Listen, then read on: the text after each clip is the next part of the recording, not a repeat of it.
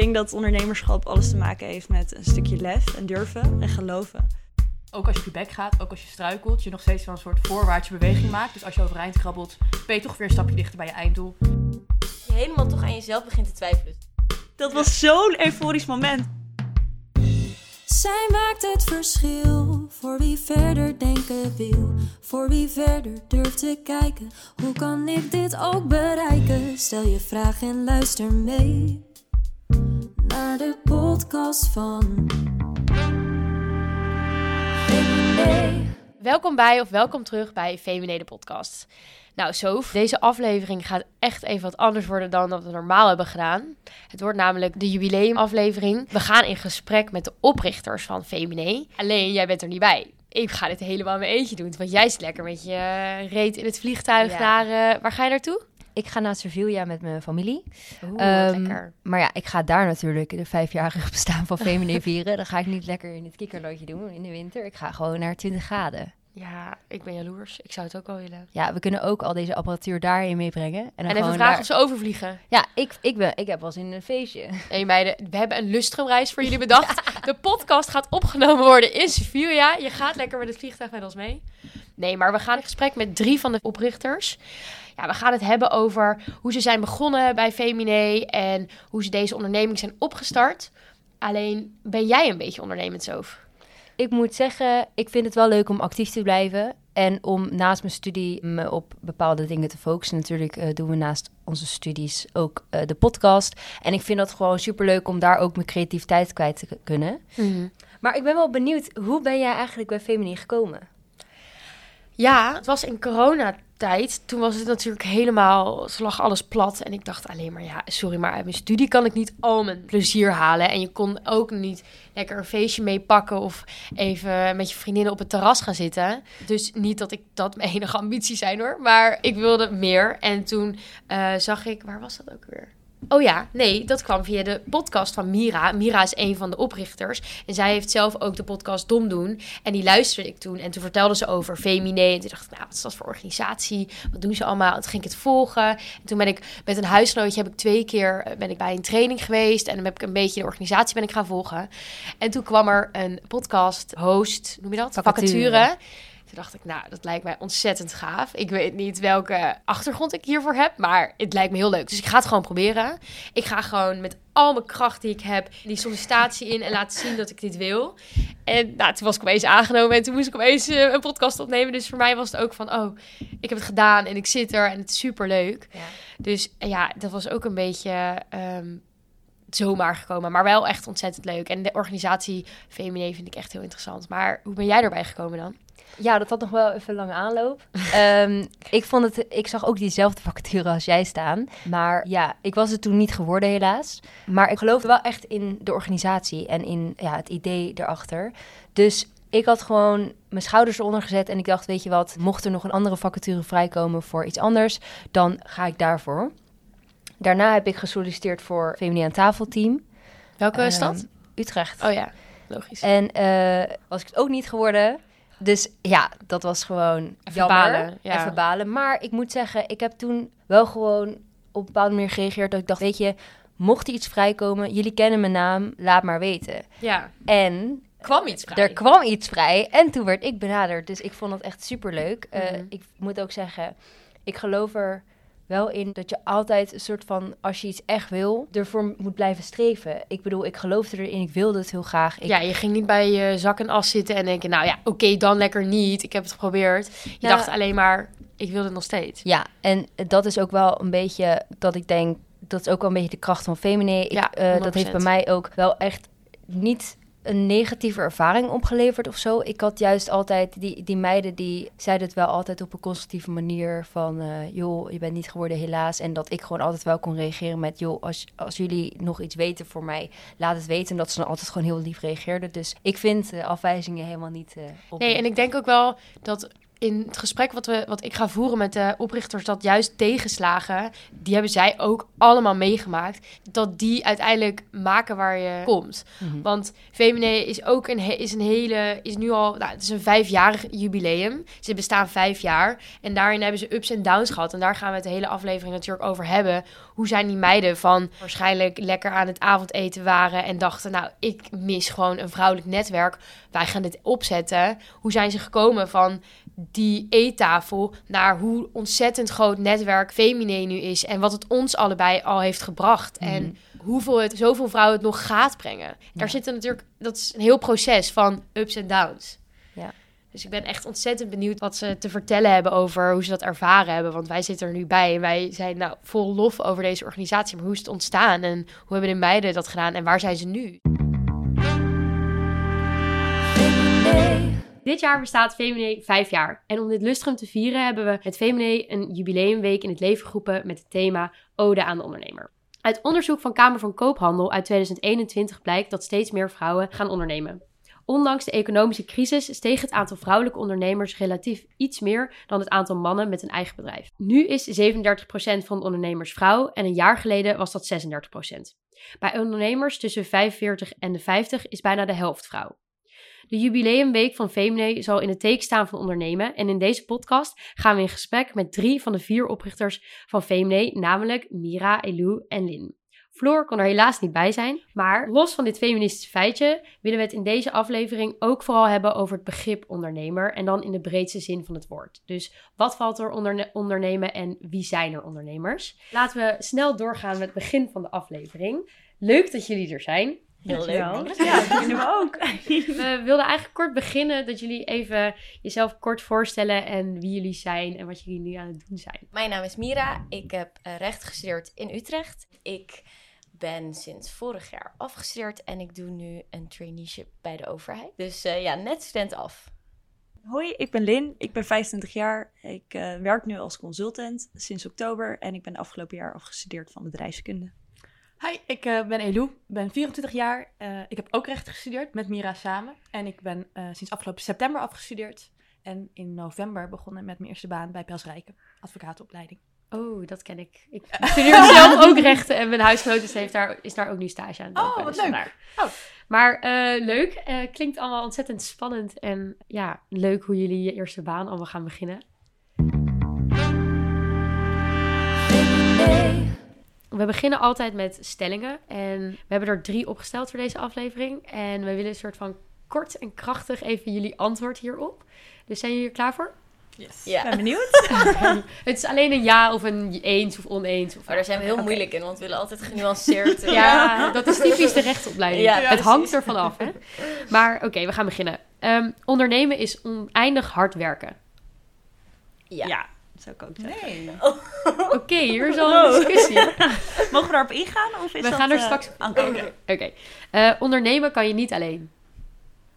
Ja. Ja. Zo, ik was even door de tegenstelling dat ik dacht, eh, Ja. maar ja. Ja. En ondernemen is als vrouw een grotere uitdaging dan als man. Ja. Ja. Helaas wel. Ja, ik zit Ben toch te bang. twijfelen, maar omdat ik weet, ja, het is heel flauw, maar omdat ik weet dat het ook in het thema is, wil ik zeggen, ja, maar ik, heb, ik moet zeggen dat ik het niet... ehm, Je mocht het nog niet toelichten. Nee. Sorry, sorry, Ja, sorry. nee? Ja, ik ben helemaal... Nee. Maar ik zou zeggen... Ja, omdat toch ja met de meerderheid dan. Oké, voordat we doorgaan met de stellingen, vroeg ik me eigenlijk af, wat verstaan jullie onder ondernemen? Ja, lastige vraag. Ik heb er een heel vak over gevolgd op mijn bachelor, volgens mij, sociaal ondernemerschap. Dus eh, ik weet dat we toen tien weken lang hierover gedebatteerd hebben ongeveer. Ehm, En wat is daar toen uitgekomen? korte samenvatting alsjeblieft. ja. Ehm, nee, ja, ik denk dat ondernemerschap alles te maken heeft met een stukje lef en durven en geloven. Geloven in iets wat je komt toevoegen aan de wereld. En als je daar een goed genoeg verhaal en concept omheen hebt, ehm, dan ben ik ervan overtuigd dat dat ondernemen is. En dan sta je ergens voor en dan kan het ook echt tot succes komen. Het begrip ondernemen, jullie zien meteen nu dat het gaat over een bedrijf opzetten of iets, iets gaan doen. Maar denken jullie ook aan een eigenschap? Ik denk wel dat er bepaalde eigenschappen nodig zijn om succesvol te kunnen ondernemen. En dat die eigenschappen niet per definitie alleen maar van pas kunnen komen in het zeg maar, nauwe begrip ondernemerschap. Dus inderdaad, die lef die jij net al noemde, een soort van creatieve mindset. ehm, je niet laten tegenhouden door tegenslagen. ehm, Goed Ja. kunnen samenwerken ook. Ondernemend zijn. Ja, dus dan is het wel weer een soort eigenschap of zo. Ja. Je kan wel zeggen, iemand is ondernemend. Maar daar Ja, valt dan zeker. weer onder, iemand heeft lef en iemand durft en iemand... Ja. En ik denk ook dat je niet moet vergeten dat heel vaak ondernemen, eh, je doet het lang niet altijd alleen. Dus inderdaad, je moet kunnen samenwerken. Maar daarin kun je ook allerlei types hebben die echt hele, hele goede toevoeging hebben. Dus zeg maar, de een, we hoeven niet allemaal een soort van dezelfde eh, kwaliteiten te hebben om ja, samen te ondernemen en, en tot een succes te komen. Iedereen heeft een stukje van het begrip ondernemen Ja. weer in zich. Ja. Ja.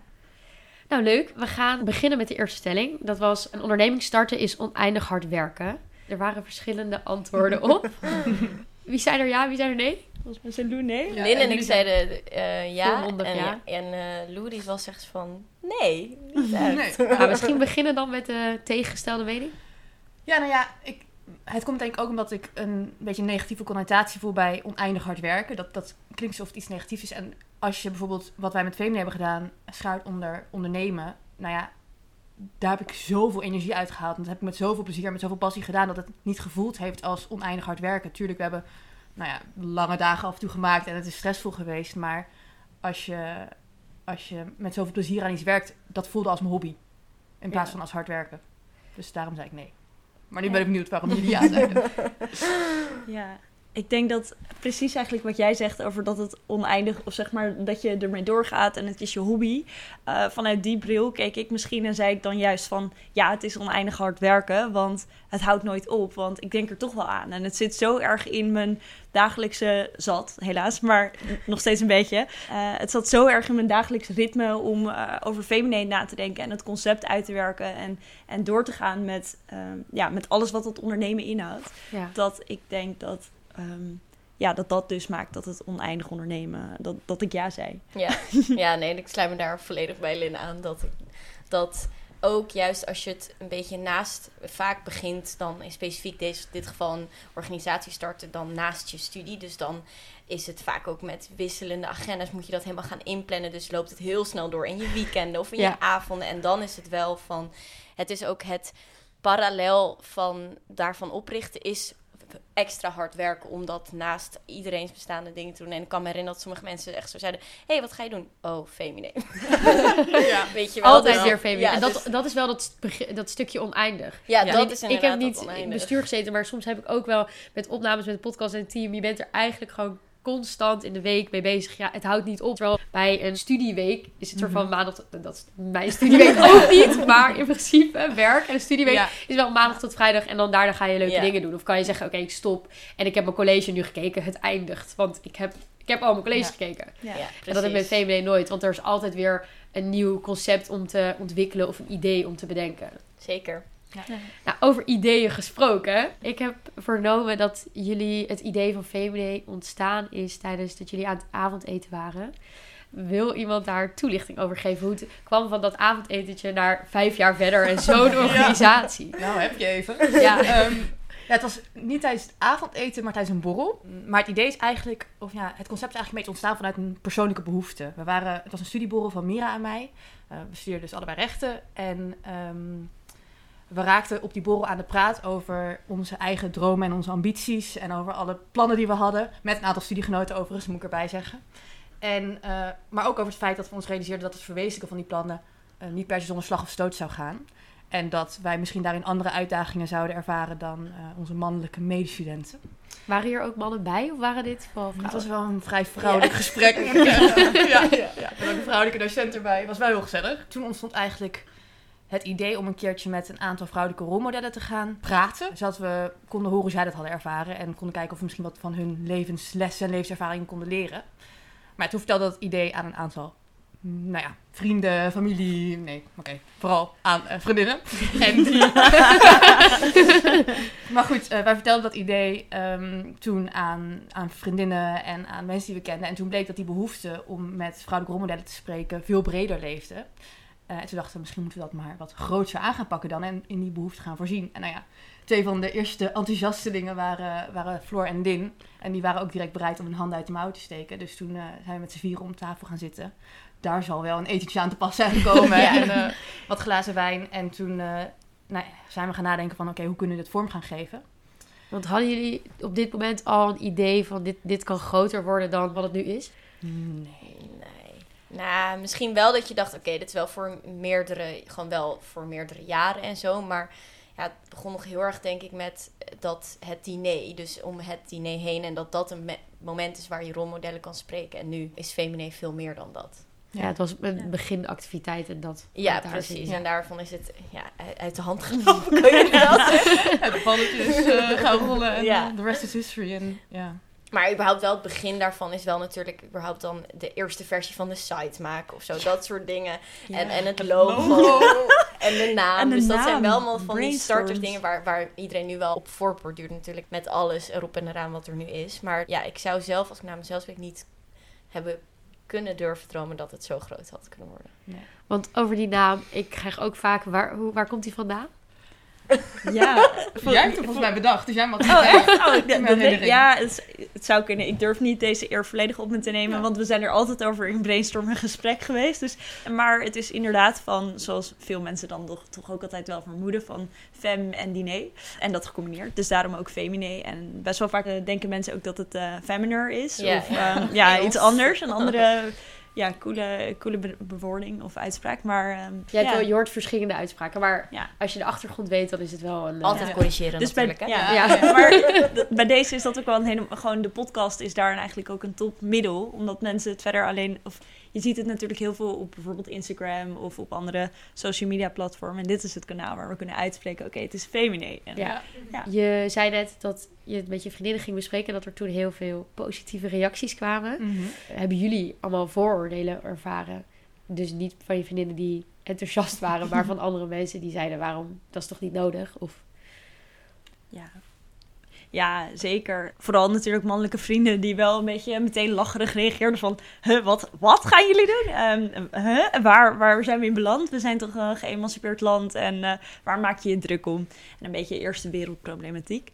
Ehm, Was het dat soort En waarom zijn we niet uitgenodigd? Ja, Ja. dat Oh ook ja, wel. Oh, ja. eindeloos, eindeloos. Echt. Ja. Nu, nu doen Nog jullie steeds, het zelf, nu sluiten jullie ons buiten. Ja, en dat, Ja. dat is altijd een ongoing discussie die je eigenlijk eh, dagelijks krijgt. Als je, ja, als je erover spreekt, dan, dan is dat vaak een tweede vraag, vooral van, vanuit mannen. en was dat dan vooral ook in het begin? Ja. Want da- en daarom zeggen, als organisatie kun je erover nadenken, maar als je nog zo'n concept hebt, dan ben je zelf misschien ook nog een beetje... Ja, heel erg zoek. Of Super. als ik nou zeg, ik was echt wel dat ik. Je bent ook gewoon, je wordt een soort, in specifiek dit geval, omdat je een maatschappelijk doel natuurlijk als basis hebt van je organisatie, heb je een soort bord voor je voor als je over fe- feminisme wil praten, praat tegen mij als je op een borrel staat of Ja. zo. Dus dan is zo van, nou Mira, ik hoorde dat je Femine hebt opgericht. En dan alleen maar random gewoon stellingen naar me toe roepen. Een beetje dit keer tien en dan allemaal een beetje provocerend. En dan wel dat je el- elke keer dat je weer terugging en dat je in de app wilt zeggen van... Jongens, ik, moeten we niet inderdaad de mannen wel uitnodigen of zo? Weet je, dat je helemaal toch aan jezelf begint te twijfelen. Dus daarom wel een soort van... Nou, ook weer misschien wel goed, wil ik zeggen. Maar het is wel soms dat ik wel echt dacht van... Het was makkelijker geweest als we een soort product hadden bedacht Ja. of zo. Want eh, Je dan sta- je krijg je minder vragen over. Ja, precies. In het maatschappelijke doel heb je Ja. altijd wel iemand die dan wil zeggen van...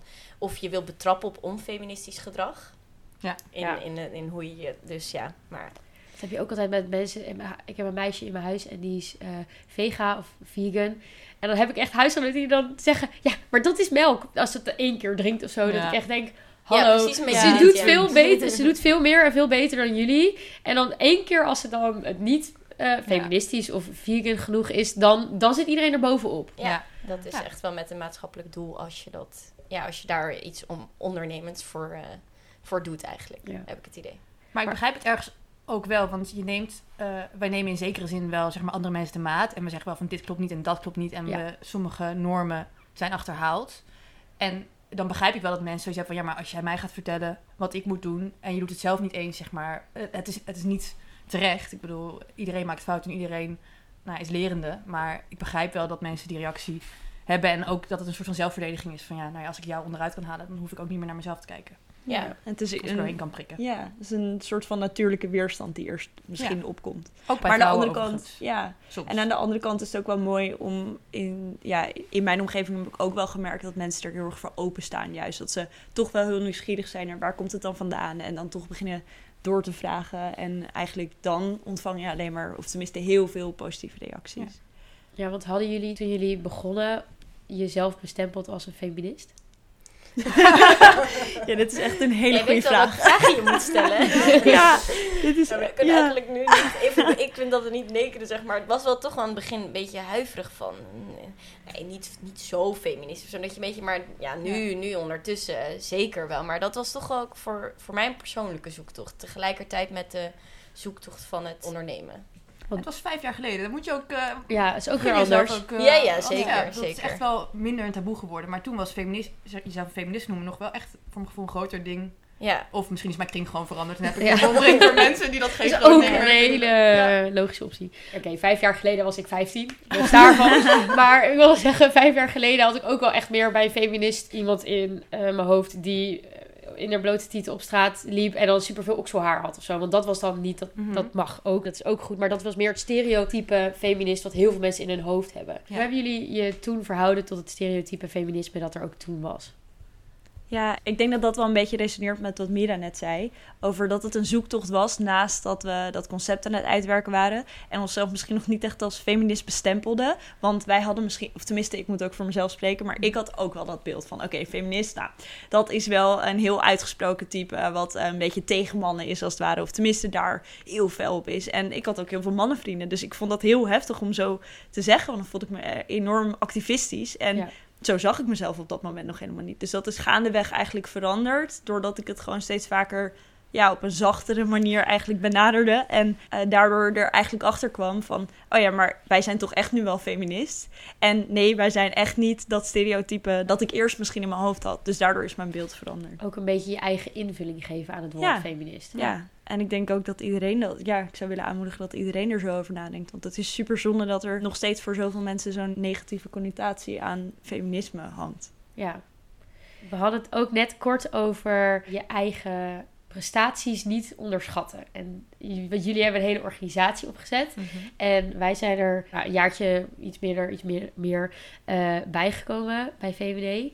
En voor ons zien we jullie, nou, als ik van mezelf mag spreken, zie ik jullie ook wel echt als ondernemers en oprichters. En ja, ook wel een beetje rolmodellen, als ik eerlijk mag zijn. Dus ik vroeg me af, wanneer hebben jullie echt het gevoel gehad dat waar jullie VMD voor oprichten, dat dat zich ook daadwerkelijk afspeelde, het doel van VMD. Oh, ik weet nog wel een heel, heel specifiek moment. Dat was ehm, in het derde jaar zal dat dus geweest zijn. Dat was het coronajaar. Nou, laten we vooral nog niet direct over corona gaan hebben. Maar dat was natuurlijk wel een heel bewogen jaar geweest. En toen hadden we een jaarafsluiting, een borrel. Dat was in juni 2020 ergens. En dat komt toen, of juli misschien, dat komt toen net even weer. En toen zaten we opeens met de hele organisatie bij elkaar. Dat waren dus nou ja, rond de twintig jonge vrouwen, denk ik inmiddels. En dat was dus maar echt zo'n besefmoment van wow, het is niet meer die organisatie van vier, toen vijf, toen zes vrouwen die op elkaars eh, studentenkamertje eh, een beetje samen proberen er iets van te maken. De organisatie staat nu, die zie ik nu voor me, daar zitten twintig vrouwen in. Als ik eruit stap, als, als Mira eruit stapt, als Linda eruit stapt, als Floor eruit stapt, dan bestaat de organisatie voort. Want het is nu meer dan dat wij zijn. En dat is wel echt, was echt wel heel cool. Dat, Ja. dat weet ik nog wel heel goed. Heb je ook hoogtepunten ervaren in die zin dat toen zaten jullie bij elkaar, maar misschien evenementen of activiteiten die jullie hebben georganiseerd? Ja, als ik terugdenk aan ons eerste, aan, aan ons eerste diner. Ja, sorry, ik zit echt tussen jullie in, maar dan, dan ga ik helemaal weer stralen. dat was zo'n euforisch moment. We hadden Ja. gewoon, inderdaad, zoals Lou net zegt, eh, een jaar lang in ons studentenkamertje en in de UB heel veel vergaderd. Ja, heel veel in de UB. Altijd Ja. tussendoor en chaos en chaos, maar alleen maar in ons eigen hoofd alles bedacht. En toen kwam het gewoon tot uiting met echt de gaafste topvrouwen, hoe ze toen noemden, rolmodellen. En gewoon eh, met al die studenten, iedereen blij. Het ging eigenlijk ja, zo goed als perfect. En Ja. We waren zo euforisch, dat was ja, geweldig. dat is echt heel, heel leuk. En, en ik denk om een ander moment te belichten, denk ik vorig jaar toen er echt nieuwe dingen bijkwamen bij VMD. Dus de podcast, de campagnes. Het eh, echt werden dus natuurlijk heel erg op de, op de content werd er gefocust. En ja, bij een bewijs van dat er te veel was om op de Instagram te plaatsen. Mentorprogramma's. Dat zijn wel dat je dat opeens echt. En dat we het ook sommige momenten echt zaten van oké jongens, hebben we overal nog overzicht over? Want het, deze ideeën, het loopt gewoon over. En dat laat zien hoeveel natuurlijk ook er nog fantastische dingen zullen komen. Maar ik denk dat dat voor mij echt vanaf vorig jaar beste afsluiting was voor sowieso mijn feminiteit. Maar dat ik, en ik zelf was verantwoordelijk voor de campagnes. Dus dan dat ik dat echt dacht, oké, dit is weer iets heel anders dan een diner. Ja. En eh, dat ik echt dacht, wow, dat, dat feminine me zoveel verschillende ervaringen nog kan geven binnen één organisatie. Ja, het is ook wel, als ik het zo beluister, elke keer je verwachtingen worden bijstellen. Ze worden gewoon als in niet naar beneden, maar omhoog. Dus er kan steeds meer. Nou ja, bijna de sky's the limit. Zou, ik- dat gevoel krijg ik een beetje van wat je nu vertelt.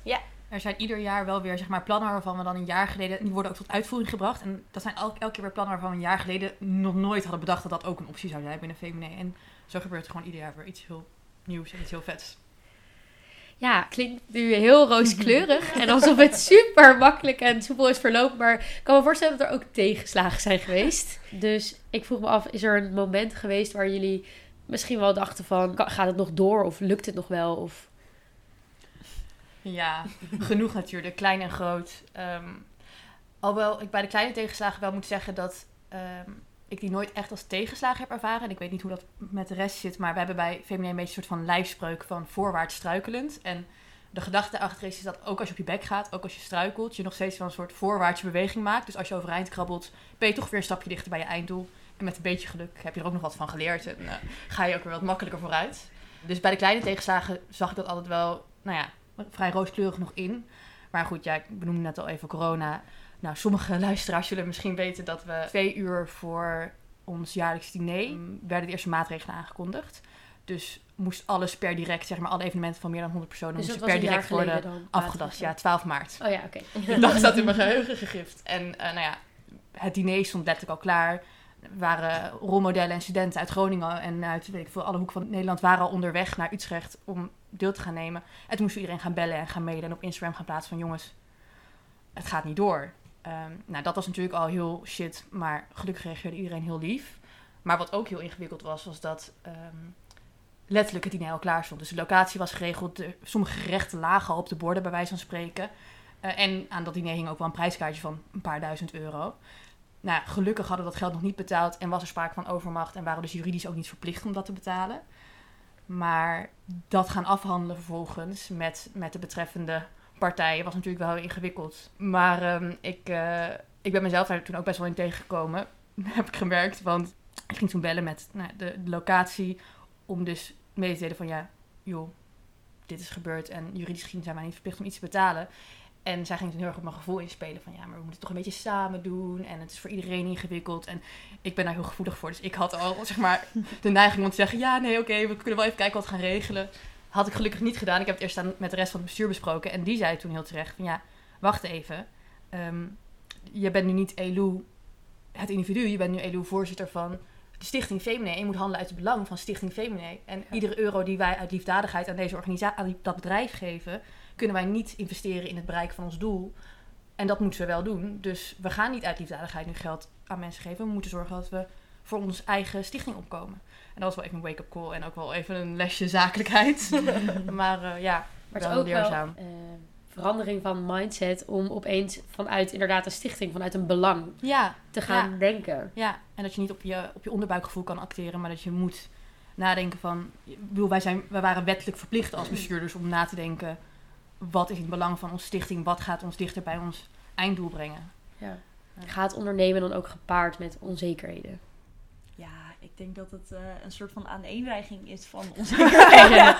Zeker in het begin. Kijk, hoe meer een concept zich weet ja, te ontwikkelen, zeg maar, hoe zekerder bepaalde dingen zijn. Want mensen kennen je, mensen hebben toch al een beeld. En op het moment dat mensen een beeld hebben, dan is dat ook niet binnen één klap weg. Maar als mensen nog niet weten wat je komt vertellen en wat je wil neerzetten en wat jij in je hoofd hebt, dan is het heel moeilijk overbrengen, bijvoorbeeld. Nou goed, en zo is het ieder stapje wat je nieuw doet eigenlijk weer spannend. En moet je weer kijken hoe bevalt dit? En klopt het ook dat wat wij in ons hoofd hebben bedacht, ja, komt dat tot uiting op de manier hoe wij willen?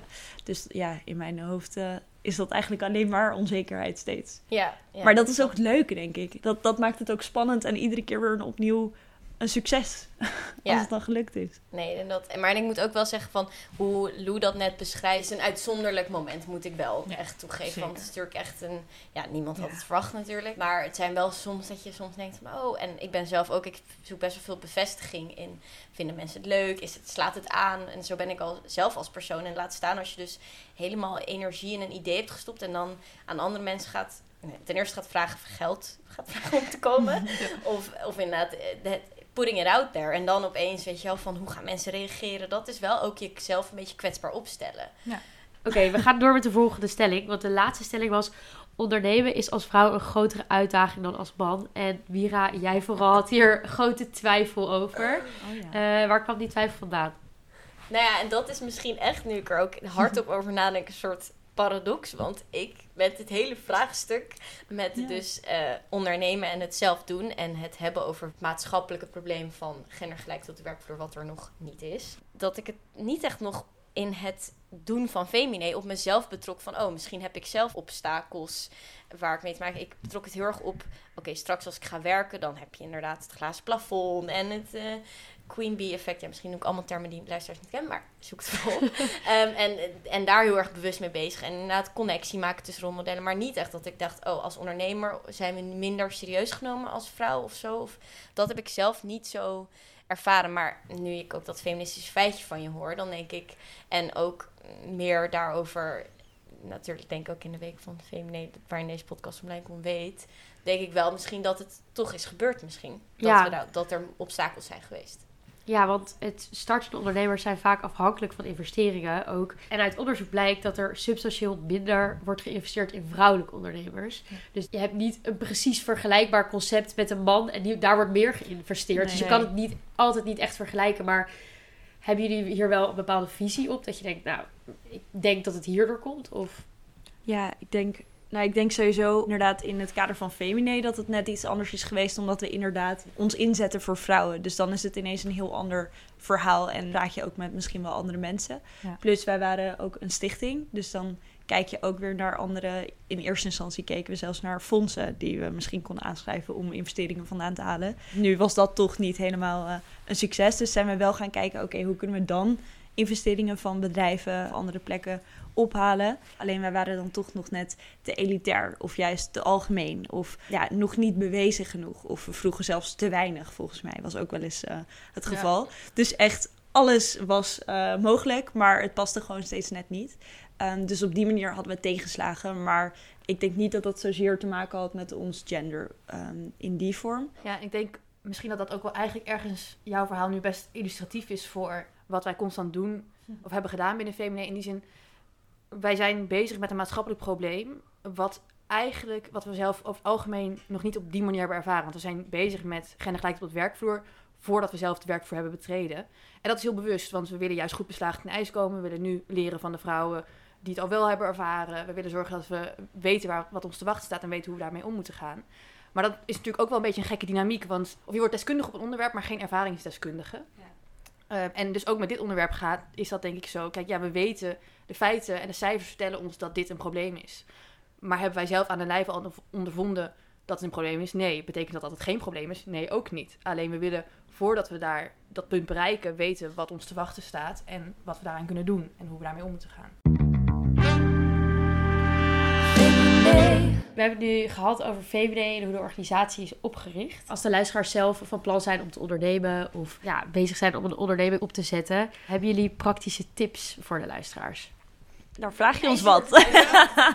Ja, ik heb er wel een paar. En maar veel vooral, ik kijk ook even Lin en Lou aan, veel vooral ook aan. Ik het ging een beetje gewoon natuurlijk terugdenken naar toen we net waren begonnen. En dat is niet per se dat je daar altijd rekening mee kan. Maar mocht je willen ondernemen, misschien is het het beste om iets mee te beginnen waar je zelf de doelgroep van bent. Ik vond het ook, ja, het gaf je ook een bepaalde zekerheid van ik weet wel wat ik denk dat ik wil. En ook als je bijvoorbeeld als student zou willen beginnen, dan denk ik ook bijvoorbeeld dat mensen best wel vaak vergeten dat de, je opleidingsinstituut en in dit geval dan de eh, Universiteit Utrecht best wel op, bij veel vlakken kon helpen. Dus al was het maar misschien een docent die je favoriete docent die je misschien eh, met het idee wil helpen en die misschien wat connecties heeft. Of bijvoorbeeld, wij hebben een keer ook een crowdfunding gedaan via de Universiteit Utrecht. Dus denk aan de plek waar je studeert, dat zij wel echt heel erg graag ook hun eigen studenten, maakt niet uit dat niet met je studie te maken heeft, maar wil helpen. En ik dacht nog als allerlaatste, waar we ook, waar je het ook al eigenlijk al goed mee begon met van, nou, ik zie jullie eigenlijk als rolmodel. Ik denk dat, eh, en dat zijn ook vaak toch wel vrouwen die dan dingen gaan downgraden van hunzelf, in plaats van toch echt van, nee, ja, dat heb ik goed gedaan. Of weet je wel, van daar heel erg trots op zijn, want ik denk dat dat gewoon een goed voorbeeld is naar elkaar, maar ook naar jezelf van niet van oh ja, feminine, dat is, dat is ja, dat doe ik er een beetje naast. Nee, want we hebben het net ook over gehad, het is echt best wel een groot deel van uh, ons leven geweest. Voor, voor wel echt uh, soms 40 uur in de week. Dus ja. ja. dan is het niet van oh, dat doe ik eventjes. Dus dat zijn. Ja. Um, toch ook altijd dat je moet zeggen van uh, spreek jezelf aan zoals je vriendin zou aanspreken. Ja. Ja. Dan zou je zeggen, jeetje meid, dat heb je het goed Ja, gedaan. precies. Dat heb je 40 uur gewerkt aan VVD. Dat is niet lijp. Ja, precies. Misschien in het verlengde daarvan ook verkondigen. Schreeuw het van de daken. Inderdaad, wees trots op jezelf, maar vertel ook aan iedereen dat je dit aan het doen bent. Zelfs als het in de kinderschoenen staat. Want je wil niet weten hoeveel je kan hebben aan je netwerk en je netwerksnetwerk. En via via, of het nou inderdaad in ons geval een rolmodel is dat binnenkomt druppelen. Mensen die een leuk artikel doorsturen, waardoor je weer iets meer feitenkennis hebt. Ehm, mensen die het leuk vinden om financieel bij te dragen. Het is echt wonderbaarlijk hoeveel mensen je kent die je kunnen helpen. Maar dat onderschat je en als je het niet vertelt, dan weten mensen niet waarmee ze je kunnen helpen. Ik denk dat de luisteraars aan deze tips zeker wat zullen hebben. Dus ik wil als laatst nog aan jullie vragen. Eh, jullie zitten alle drie nog in de raad van advies van VBD, maar jullie zitten niet meer in het bestuur. En jullie hebben toch wel een beetje je baby, kan ik me voorstellen, achter je moeten laten. hoe voelt dat? En hoe kijken jullie alweer naar de toekomst voor VBD? Nee, ja, het was, het was best wel moeilijk om VMD achter te laten. Voor mij persoonlijk, ik, ja, we, waren alle drie, nog, alle vier, nog heel erg jong. En eigenlijk, eh, nou, volgens mij derde jaar bachelor. En eh, nou ja, daar, dan heb je nog heel veel plannen op je pad en voor je studententijd. Die wat meer in je hoofd zat van, ik wil nog een stage lopen, ik wil nog naar het buitenland. Ik wil nog een bestuursjaar doen fulltime. Want op dat moment zag ik VMD nog niet misschien als iets waar ik nu op terugkijk, dat, dat ik denk, ja, VMD was misschien wel veel, veel leerzamer en veel omvattender dan mijn fulltime bestuursjaar waarvoor ik heb gekozen. Maar dat bestuursjaar staat al gevestigd, zeg maar. En, en dat reizen, dat wilde ik ook heel graag. Dus om antwoord te geven op je vraag. Voor mij is het dus eigenlijk al super lang geleden dat ik me dagelijks bezig hield met VMD. En des te leuker vind ik het dat we sinds dit jaar eigenlijk voor het eerst weer een hele actieve vorm hebben van de Raad van Advies. Of nou, ik zeg weer, maar dat is het dus helemaal niet. Dat, dat hebben onder andere Elu afgelopen jaar denk ik heel goed uitgedacht met ook juist nu huidige bestuursleden. Van hoe kunnen we nou zorgen dat er wel die kennis van de allereerste dag en van alle netwerken die we daarbij eh, hebben, wel behouden. En eh, nou ja, dat is nu in de Raad van Advies een onderdeel daarvan. En dat vind ik persoonlijk heel erg leuk. Dus dat ik nu weer echt heel goed op de hoogte ben van waar het bestuur mee bezig is, waar VMD naartoe gaat, wat de plannen zijn voor de toekomst. Dus daar hou ik heel veel uit. Kan je dan ook een beetje eh, loslaten dat er misschien bestuursleden echt volledig andere... Nou, niet, het doel van VW staat Ja. vast hoor, maar wel echt andere plannen hebben dan jezelf? Ja, soms is dat wel moeilijk. Ja. nou ja, dat is, dat is natuurlijk heel moeilijk. Maar ik denk dat het ook wel echt heel goed is dat er nu echt wel een frisse wind waait door VMD. In de zin van als wij nog vijf jaar dit bestuur waren blijven doen, dan was VMD ook gestagneerd als organisatie. Want onze ideeën hadden we er al in gepompt. En je creativiteit is op een gegeven moment nou niet op, maar je creativiteit vlakt af. Dus het is goed dat er dan weer nieuwe mensen met nieuwe ideeën die organisatie gaan runnen. Eh, maar ja, makkelijk is het niet altijd natuurlijk. Maar tegelijkertijd zie je ook wat voor vette dingen ze doen. En hebben we er geloof ik alle drie. En ik weet zeker dat voor Floor ook geldt. En voor alle andere bestuursleden die inmiddels achter hebben moeten laten. We hebben er heel veel vertrouwen in. En we zien wat er gebeurt en dat het goed gaat. Als jullie mogen dromen, waar hopen jullie VVD dan over vijf jaar te zien? Internationaal. Kort en bondig. Ja. Maar inderdaad. Ja, ik denk inderdaad sowieso weer groter. Laten we zeggen, sowieso bekend door heel Nederland. Internationaal misschien eh, een of ander gaaf evenement waarmee je door Europa reist met de trein. Natuurlijk niet, met, eh, niet in het vliegtuig stappen. Eh, luisteraars, alsjeblieft niet. oh nee, dat is een ander onderdeel van, eh, van de persoonlijkheid. Ja, ehm, nee, ja, ik hoop heel erg dat we over vijf jaar zien dat er nog veel meer vrouwen zich hebben ingezet. Maar ook zeker juist alle vrouwen die we verder in ons platform eigenlijk nou, bedienen. Dat klinkt een beetje gek, maar dat we zoveel veel meer vrouwen aan elkaar hebben verbonden. Dat kan zijn eh, alle alumni, eh, rolmodellen, maar ook weer juist nieuwe generatie studenten. En misschien, ik zeg studenten, maar het is ook wel heel interessant om te kijken naar nou ja, de genderidentiteit. Kijk, over vijf jaar, we mogen dromen. Ik weet niet eh, of we dan toch nog naar de mannen anders hebben gekeken. dat, eh, dat zou ik heel mooi vinden, als we dat over vijf jaar zien. Ja, Nou, ik ben benieuwd of we elkaar over vijf jaar weer hier spreken Ja! en hoe het er dan voor staat. het zou mooi zijn. Ja. Dat was hem dan alweer, de jubileumaflevering. Luisteraars, jullie ontzettend bedankt voor het luisteren. En vergeet niet onze Insta, VBDNL en de website vbd.nl te checken om op de hoogte te blijven van de gasten die in VBD de podcast aanwezig zullen zijn. En als je de aflevering leuk vond, laat dan vooral een review achter op de podcast app, zodat mensen ons weer sneller kunnen vinden. Groetjes en tot de volgende!